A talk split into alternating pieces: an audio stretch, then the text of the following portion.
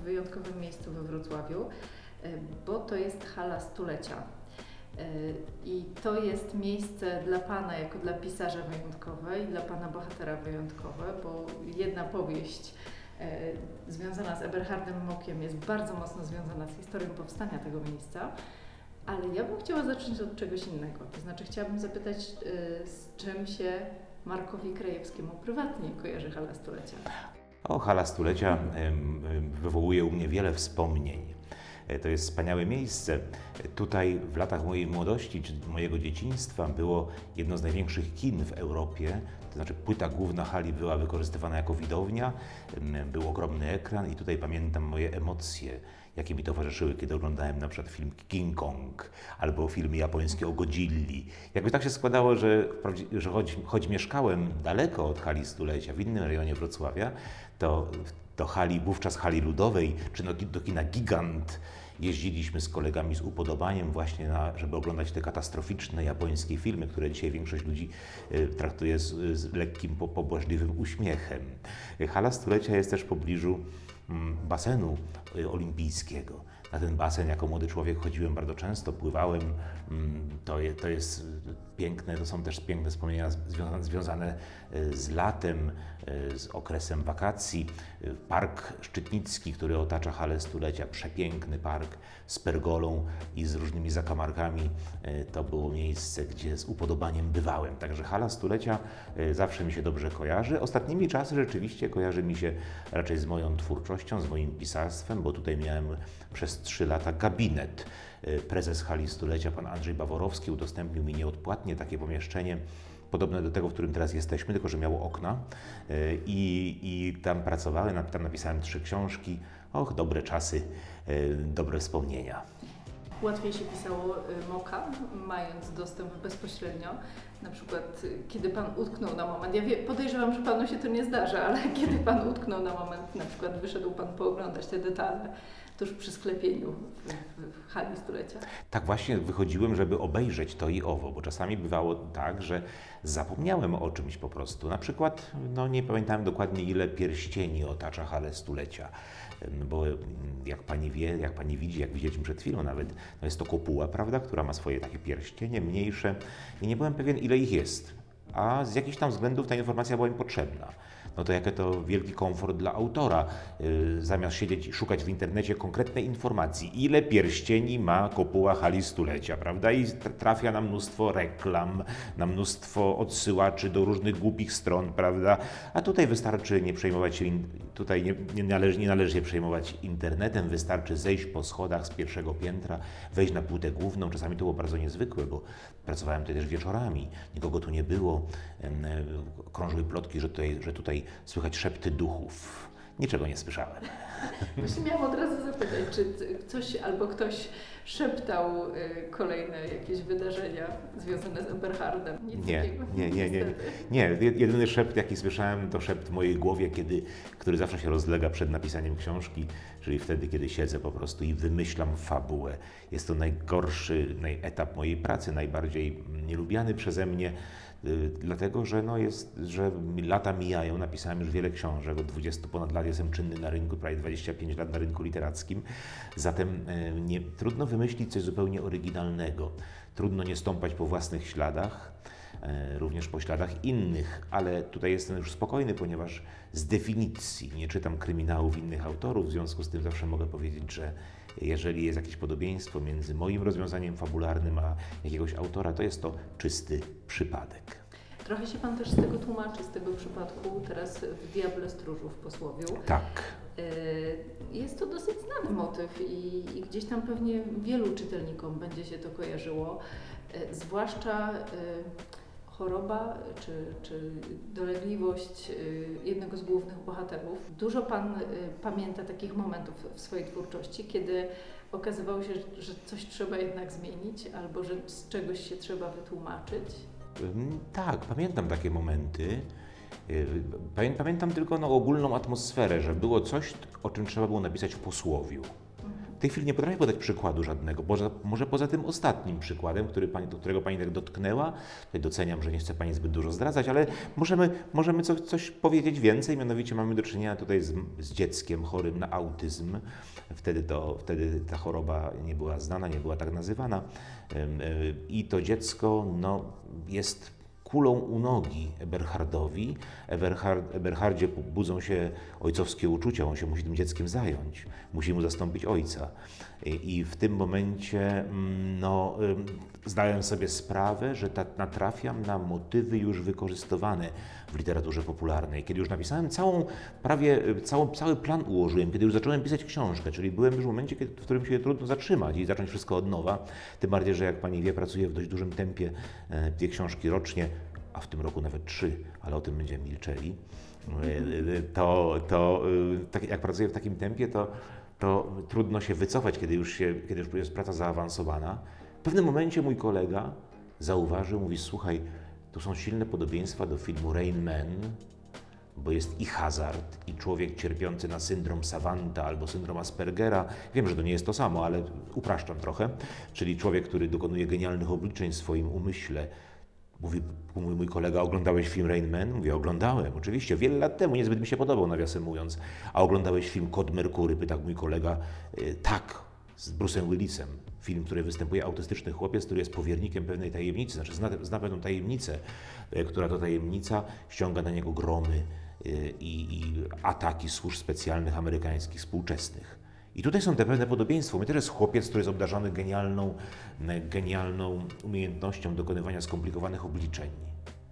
E, I, I też występuje hazard. Zatem musiałem się usprawiedliwić.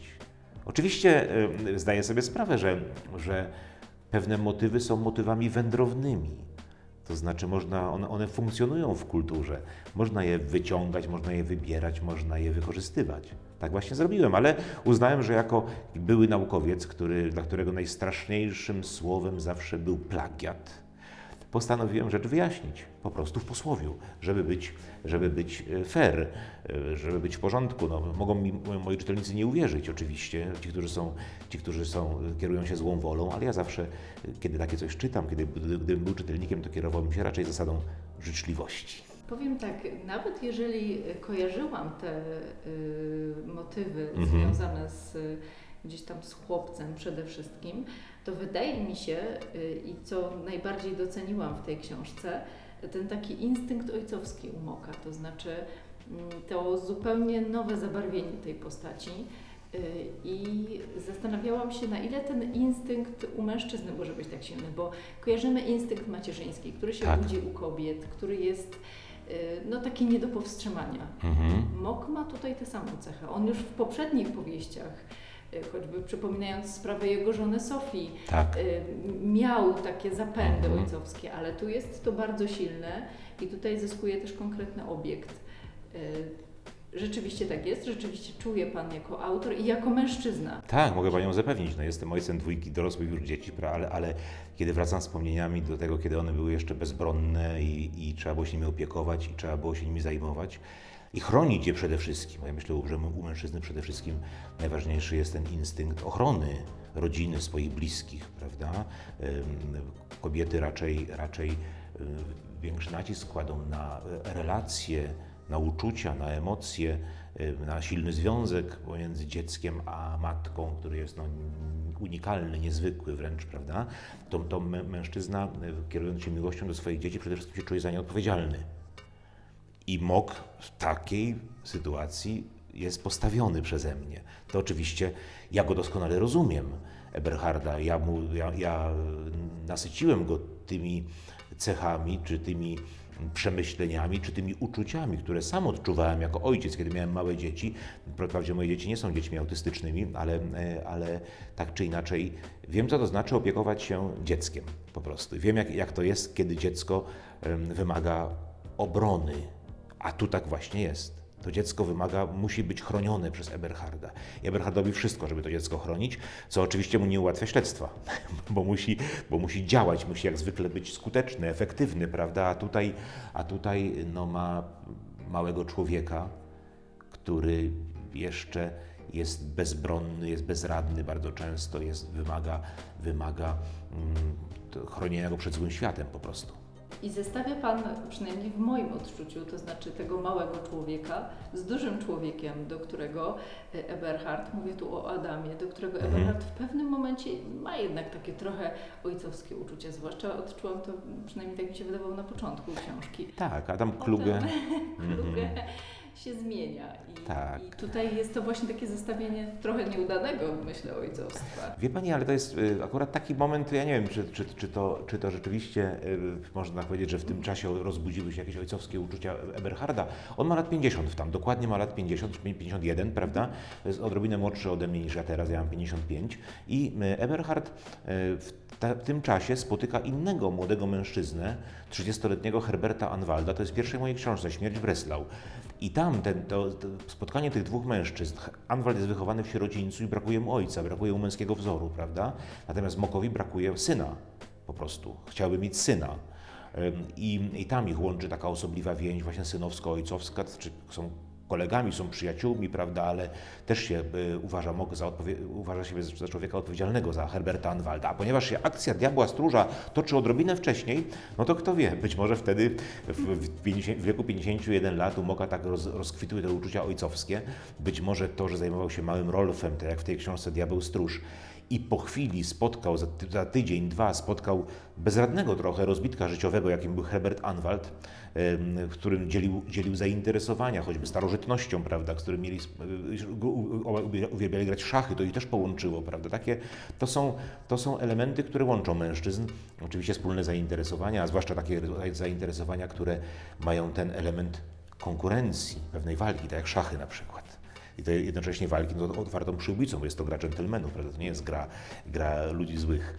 Także to wszystko sprawiło może, że, że właśnie od tego małego chłopca swoje uczucia ojcowskie przelał na Herberta Anwalda, bo którego spotkał parę dni później. Kto wie, może tak było. Wybrałem 34 rok zupełnie przypadkiem, bo y, ważne było dla mnie, kiedy w Niemczech zalegalizowano hazard. A potem sobie dopiero uświadomiłem, że to jest faktycznie wtedy, kiedy Eberhard prowadził śledztwo z Herbertem. Mhm. No właśnie, jak się uzupełnia te białe plamy w życiorysie Eberharda? Bo myśmy kiedyś rozmawiali o tym, że, tak. że Pan na początku popełnił ten y, najgorszy błąd. Tak, czyli, czyli, sobie, czyli najpierw taki no, pozwoliłem sobie na zaawansowany wiek Eberharda, tak. potem trzeba się było cofać. Tak, pozwoliłem sobie na chronologiczne skoki, cofam się, prawda, lawiruję slalomem przez te różne punkty czasowe się tak przemieszczam. To jest pewien problem oczywiście. Natomiast obliczyłem sobie, że jeszcze mogę napisać kilkanaście powieści o Eberhardzie, bo, bo tyle jest lat do uzupełnienia. Podobnie też mogę napisać kilka, kilka dobrych powieści o Popielskim, także mamy jeszcze y, sporo y, tych białych plam literackich do wypełnienia. No, zamierzam pracować jeszcze 5 lat bardzo intensywnie, do 60. Potem już chciałbym zwolnić tempo, może pisać coś innego, ale to w każdym razie byłaby to taka, taka e, nie, nie jeszcze zupełna emerytura, ale takie delikatne przejście no, na tryb powiedzmy. Mm, z całą pewnością to nie, był, nie, nie byłaby zupełna emerytura, zupełna bezczynność, raz na jakiś czas bym coś pisał, ale, e, ale e, już nie tak intensywnie na pewno. Na pewno nie dwie, dwóch książek rocznie, tylko jedną na 3-4 lata na przykład. Dlatego muszę na razie teraz tak pracować.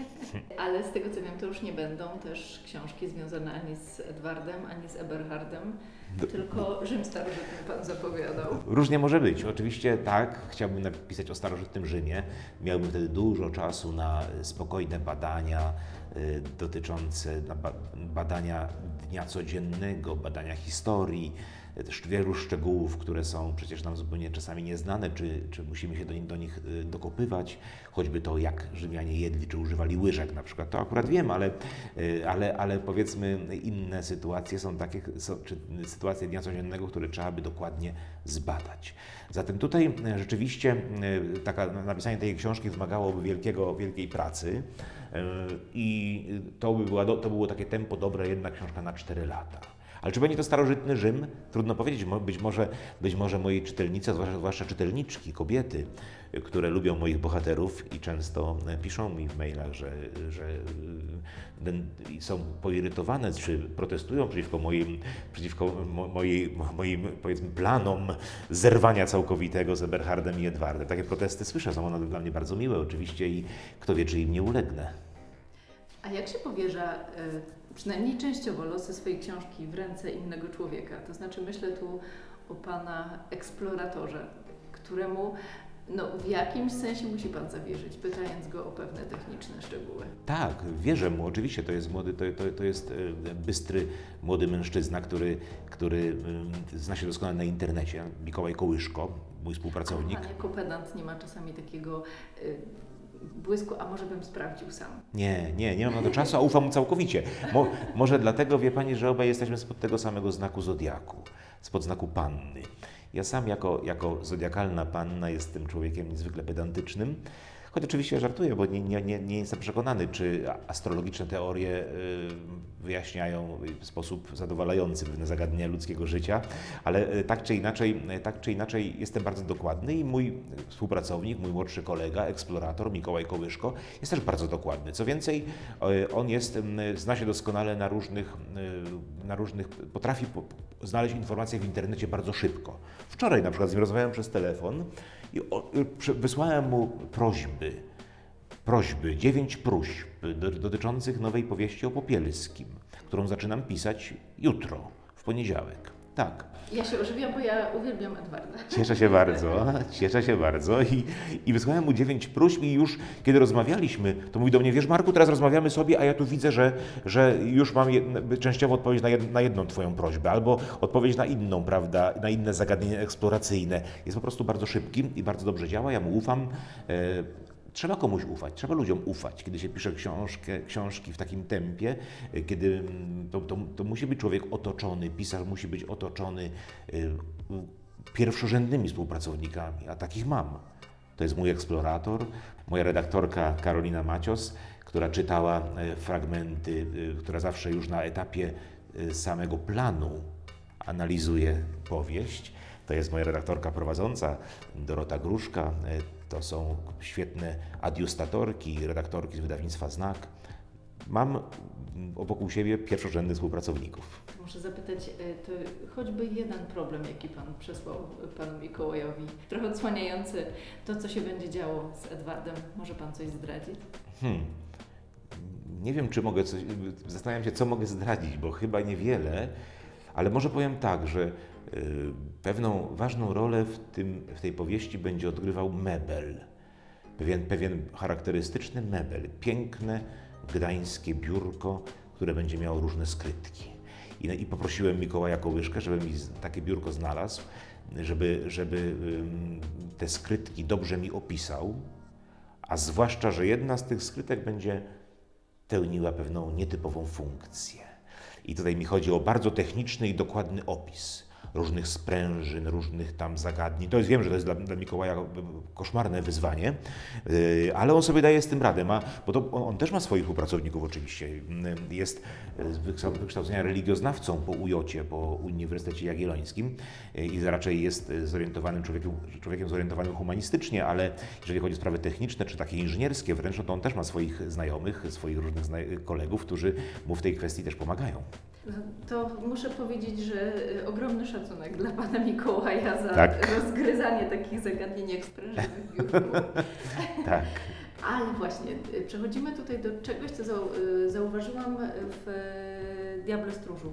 To znaczy takie ogromne zainteresowanie detalem i designem, takim e, najlepszym przykładem i chyba najbardziej jaskrawym tego jest pewne pióro. Tak. Które Eberhard trzyma w dłoniach. Ja jako tak. fanka pisania piórem zwróciłam na to uwagę, mm -hmm. ale zauważyłam, że właśnie, że zaczyna Pan budować też opowieść e, w, wśród, wśród takich detali, jak, jak biurko, jak pióro.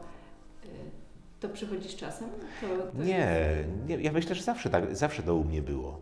Może... Było, ale nie tak, tak mocno wyeksponowane, mam wrażenie. No tak, ma Pani rację, ale to tylko dlatego, że to pióro tutaj odgrywa ważną rolę, bo to pióro jest znakiem rozpoznawczym, to pióro o czymś mówi. E, I to dlatego ono było tak dokładnie opisane. Ja bardzo... Istnieje takie pióro? Tak, tak, tak, oczywiście istnieje, oczywiście istnieje. Tutaj... Jest Pana marzenie. To rzeczywiście chciałbym mieć takie pióro. Tak? Tutaj, tutaj powiem Pani, że, że y, mamy coś wspólnego. Dzielę z Panią też miłość do piór wiecznych. Mam, mam kilka wiecznych piór i, i są to no, dobre pióra w takim sensie, że świetnie piszą i, i bardzo je lubię i lubię na nie patrzeć, lubię otwierać skówkę. No cóż, y, piękne przedmioty mnie zawsze jakoś interesowały, zawsze mnie poprawiały mi nastrój. Lubię być otoczony pięknymi przedmiotami. I to pióro Asterope, Aurora Asterope, które opisałem, rzeczywiście ist, istnieje. To jest piękne pióro, które po przekręceniu tam skówki wychodzi stalówka, przekręca się, wszystko jest dokładnie opisane. Tak, może Pani zobaczyć, na, na, y, są filmiki na różnych portalach, na YouTubie są filmiki, y, które, na, na których są, jest przedstawiona zasada działania tego pióra. Ja nawet nie wiedziałem, wie Pani, że istnieje grupa miłośników piór wiecznych. Właśnie jeden z tej grupy, jed- jedna z tych osób, no, która do takiej grupy należy, pan Andrzej Tuziak z Katowic, przesłał mi taką informację o tym piórze i dokładny, dokładny, dokładne odsyłacze internetowe, gdzie mogę zobaczyć, jak to pióro działa. Otóż są takie osoby, proszę sobie wyobrazić, które naprawiają pióra, ostrzą stalówki i nagrywają to. Nagrywają filmiki, które, na, y, które są następnie umieszczane na platformie YouTube. I na całym świecie miłośnicy piór wiecznych, pięknych takich przedmiotów użytkowych, oglądają to z wielkim upodobaniem, wymieniają się opiniami technicznymi, jakiego użyłeś tutaj, jakiego użyłeś powiedzmy, mm, y, jakiego papieru ściernego, żeby to zrobić, a, ja- a jaki, jaki, jak, jak, jak, jak, jakiego innego instrumentu, więc ludzie y, są fascynatami tego typu pięknych przedmiotów, potrafią precyzyjnie wykonywać różne detale, naprawiać takie przedmioty. Podziwiam ich. Ja tego nie umiem, nie mam wielkich zdolności manualnych, natomiast jestem miłośnikiem pięknych przedmiotów. Czy Pan jest od podziwiania i od pisania później Tak, tymi tak. przedmiotami? Tak jest. E, Z jednej strony piękne przedmioty, z drugiej strony e, moda, która jest bardzo dokładnie opisana. E, Jakby w poprzednich powieściach też tak było. Tak. To najpierw, jeżeli chodzi o modę, muszę zadać pytanie, dlaczego Eberhard i Edward zawsze się rozbierają przed jakąś taką ważniejszą sceną? Pan tak pieczołowicie chroni ich garderobę. To, to Aha. powodu. Za każdym razem, jak ma się coś dziać, y, tutaj y, jak Eberhard przychodzi na miejsce zbrodni, to cała kamienica się dziwi, że on chodzi w samych slipach, przepraszam. Tak, tak. To, to, to jest, to jest no co, co to dużo ukrywać, jest to moja cecha. To, to jest moja cecha. Ja, ja y, chodzę w garniturach, chodzę, y, lubię tradycyjną elegancję y, i bardzo dbam o to, żeby moje rzeczy były czyste. Dzisiaj idąc do hali stulecia, mieszkam niedaleko stąd i ubolewałem, nie chciałem brać samochodu, żeby nie, nie, nie mieć kłopotu z parkowaniem, ale idąc, szedłem na piechotę. No i co chwilę patrzyłem z irytacją na taką, taką pulpę śnieżną, która zalega na ulicach Wrocławia i patrzyłem na, na, na ile ona brudzi mi buty. No niestety po- pobrudziła, e, a co zrobić? To taki jest, taki jest los e, e, trzewików w taki dzień jak dzisiaj, prawda? Był kaloszek, który miał Eberhard chyba. Tak. Zapomniałem ich założyć. Miałem je nawet założyć dzisiaj, wie Pani, do, idąc do hali stulecia, ale nie założyłem. Otóż, otóż ja tak robię. Kiedy, kiedy jestem, jestem no, jakoś starannie ubrany i muszę nagle dokonać jakiejś czynności, która może sprawić, że się pobrudzę, no to natychmiast zdejmuję koszulę, czy zdejmuję marynarkę, koszulę. E, Wie Pani, przyznam się do czegoś. Przyzna, przyznam się do czegoś. Proszę, za, proszę, proszę mi wybaczyć, to jest bardzo osobiste wyznanie, ale jak jem obiad y, i, i mogę pochlapać sobie koszulę albo krawat, bo na przykład, nie wiem, jem, jem makaron albo rosół, albo makaron spaghetti powiedzmy, które lubię, to zawsze mam ze sobą w kieszeni mm, śliniaczek. Zakładam ten śliniaczek na szyję, zakładam na szyję, żeby się nie pobrudzić. Ale powiem, nie zdziwiłam się w ogóle, bo No, widzi pani. że, Tak jest. że Zna, znamy się już jakiś, jakiś czas i wie Pani, że jestem strasznym pedantem i chronię swoją garderobę. I tak robię. Proszę sobie wyobrazić, że nawet zdarza mi się, że, że do, do restauracji jest, idę na proszoną kolację, ktoś mnie zaprosi, prawda, I, i zdarza mi się, że mam w kieszeni ten śliniaczek. Oczywiście zwykle go nie zakładam jednak, bo to nie jest może taki bardzo estetyczny, ale, ale przeszkadza mi to, kiedy z kimś rozmawiam mm, i muszę zwracać uwagę na to, czy się pochlapię, czy nie. I wtedy rozmowa się nie klei, jedzenie mi nie smakuje. Taki już jestem. Eberhard nie potrafi przejść nad tym, że Adam Kluge ma na marynarce i na krawacie plamy zupy pomidorowej. Tak, I to tak. jest jeden z większych tragedii, jeżeli chodzi Tak. o... Tak, to prawda, też bym, też bym zwrócił uwagę mojemu współpracownikowi, gdyby miał poplamioną, y, poplamioną marynarkę czy krawat. Natomiast jestem też w tej szczęśliwej sytuacji, że nie mam żadnych współpracowników. Jestem sobie sam stylem, żeglarzem okrętem, bo jestem od wielu lat wolnym pisarzem. Jeżeli chodzi o Wrocław, bo przyznaję, że pokochałam Pana twórczość z powodu Wrocławia, które to miasto bardzo uwielbiam i, i bardzo lubię tutaj przebywać i dzięki Eberhardowi, dzięki Edwardowi później mogłam odkrywać to miasto na nowo i, i taki rys bardzo mało znany. Teraz mam wrażenie, że już po tych takich wycieczkach, po tych takich topograficznych ciekawostkach przechodzi Pan do takiego turpistycznego wymiaru tego miasta. To znaczy te brudne kamienice, brudne zaułki są Mhm. coraz bardziej pieczołowicie przez Pana opisywane. To świadomy zamysł, żeby tak ewoluować w tym w kontakcie z miastem. Nie, nie sądzę. Może mi tak wyszło, bo było to pod wpływem jakiegoś nastroju, powiedzmy. E, Bo tak często bywa, że, że kiedy op- opisy są trudną rzeczą dla mnie. Nie lubię opisów, prawdę mówiąc, ani opisów zewnętrznych, ani miasta. Powiedzmy, czy ulic, nie lubię tego. Robię to, do, robię to owszem, robię to dokładnie, precyzyjnie, ale nie przepadam za tym. Wolę, wolę dialogi, wolę sceny narracyjne, prawda, takie op- czy opowieści, sceny, sceny akcji. To o wiele lepiej mi wychodzi. Tak samo nie lubię opisów dialogów, wewn- nie lubię opisów, opisów wewnętrznych, nie lubię opisywać stanów ducha bohaterów, to nie przepadam za tym po prostu. Jakoś, jakoś to mi wychodzi, ale nie przepadam. No, są, są pewne fragmenty, które bardziej lubię, a- a inne mniej. No i być może, wie Pani, opisując Wrocław, wtedy miałem jakiś taki gorszy nastrój, źle mi to szło, poprawiałem ten, ten opis i może, może ten gorszy nastrój objawił się właśnie w jakimś, nie wiem, turpistycznym uwydatnieniu.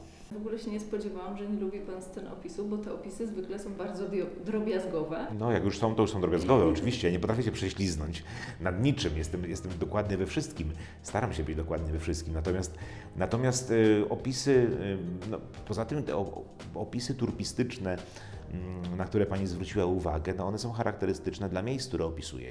Może w powieściach innych, y, jeżeli się akcja toczyła na przykład nie wiem, w środowisku arystokratów, tak jak powieści Moloch, to te, te turpistyczne opisy były mniej wyeksponowane, no bo mam, mieliśmy do czynienia na przykład nie wiem, z opisem e, Garden Party u pewnego arystokraty, e, czy innych, inne, inne sceny, bo, mogą odwiedzał bogatych ludzi albo zamożnych ludzi, tam o turpizmie nie ma mowy, prawda, tam było otoczone też pięknymi przedmiotami.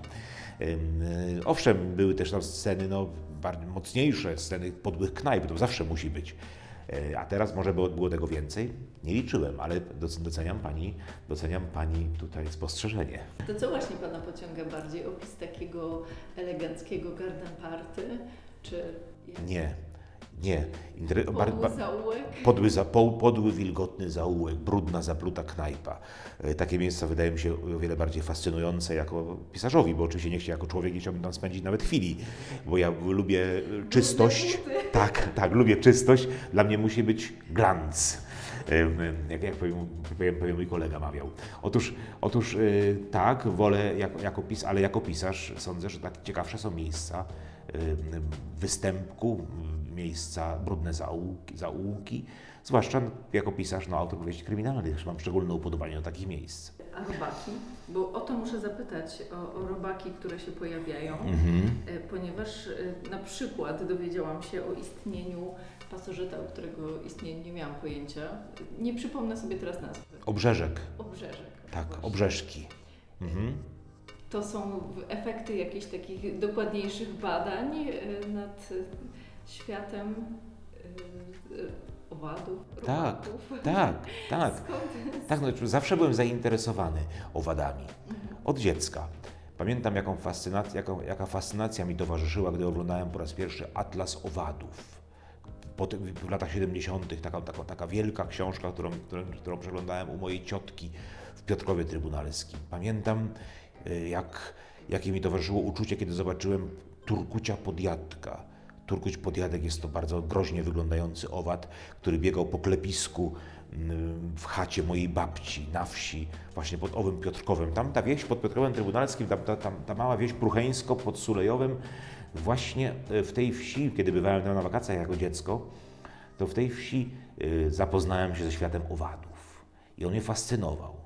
na przykład skorki owady, które mają na końcu taką, takie cęgi, jakby takie, yy, one, one krążą o nich różne legendy, że wchodzą do uszu, że prze- przecierają błonę. Pamiętam z dzieciństwa te legendy. O- Wszyscy otóż- straszyli. Otóż to i to mnie bardzo interesuje. Zawsze mnie to bardzo interesowało. Sądzę, że gdybym nie był pisarzem, to byłbym entomologiem. Mówił Pan o swoim intensywnym życiu zawodowym, to znaczy dwie książki rocznie o poszukiwaniach, ale znajduje Pan jeszcze czas na coś nowego, na podcasty, cyberaudycje. tak, o dziękuję. Dziękuję, że Pani użyła te, te, tego, tego terminu. Jakim dla Pana doświadczeniem jest to, kiedy Pan jako pisarz może uzupełnić pewne rzeczy, może wytłumaczyć, może naświetlić jakiś większy kontekst, na co często w powieściach i na spotkaniach autorskich też nie ukrywajmy, nie ma miejsca.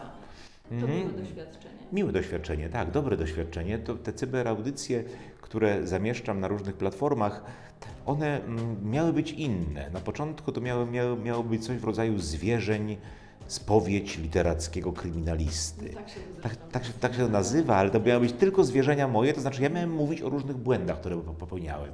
Miałem mówić, na jakie rafy natrafiłem, y, pisząc taką czy inną książkę. To był główny temat. I pomyślałem sobie, że, taka, że taki, takie podcasty, o, nawet będzie można zamieszać dość często, przecież piszę, pracuję w, w dużym tempie, więc co chwilę się nowa książka pojawia na rynku, zatem o każdej będzie można mówić, o, każdy, o, o błędach, o potknięciach, o problemach, prawda? Ale okazało się, że moi słuchacze, y, bardziej im się podoba y, podcast, bardziej podobają mi się te podcasty, w których występuję w roli dziennikarza. I, I w których pytam różnych gości, których zapraszam do swojej audycji. Ci goście mieli być tylko na początku, pierwotnie w moim zamierzeniu, mieli być takim urozmaiceniem po prostu. Ten, ten podcast z gościem to miał być tak raz na jakiś czas. Oprócz tego ja sam miałem mówić. Okazuje się, że tak, po pierwsze ludzie chcą, żeby te podcasty były długie, przynajmniej godzinne. Y, Naprawdę to mnie dziwi, ale tak jest. Ludzie, ludzie słuchają w samochodzie, y, bie- biegając powiedzmy, czy, czy podczas aktywności fizycznej jakiejś innej. y, Słuchają podcastów. Krótki podcast 20-minutowy, bo takie miały być pierwotnie, nie, nie zadowala. Pierwsze odcinki rzeczywiście mają tak po 20 minut. No właśnie. 17, 20 Właśnie. I doszły do mnie słuchy, że dobrze by było, panie Marku, gdyby pan te podcasty były dłuższe. Potem były dobre reakcje, pozytywne reakcje, kiedy zapraszałem gości, więc wyszło, wychodzi mi na to, że te podcasty będą długie e, i zawsze będzie jakiś gość. I przyznaję, że to trochę jest, no. Mm, To jest trochę problem. Sama Pani wie, jako osoba aktywna medialnie, jako autorka wideo, wideoblogów, powiedzmy, wideorecenzji książkowych, prawda? Jako, jako w tej chwili nagrywamy podcast, który, który em, jest, którego Pani jest autorką, który, Pani zamieszcza na swoich platformach czy swoich y, portalach. To jest trudne. To trzeba obrabiać, sam to robię, sam obrabiam te podcasty, sam wycinam, prawda, i tak dalej. Tego nikt nie robi, inny to robię ja. Ja sam, Myślałam, że tutaj kolejna osoba i kolejna osoba Nie. Nie, i, i to zajmuje, to zrobienie jednego odcinka zajmuje dokładnie dwa dni. Bo najpierw. Potwierdzam. Potwierdza pani, prawda? Bo najpierw trzeba z człowiekiem porozmawiać, prawda? Trzeba. z- To, to, z tym bywa różnie. Na ogół na, do, do tej pory miałem świetnych rozmówców, ale sam czasami potrafię powiedzieć coś nie tak, to trzeba potem wyciąć, trzeba coś dograć. No tak bywa po prostu.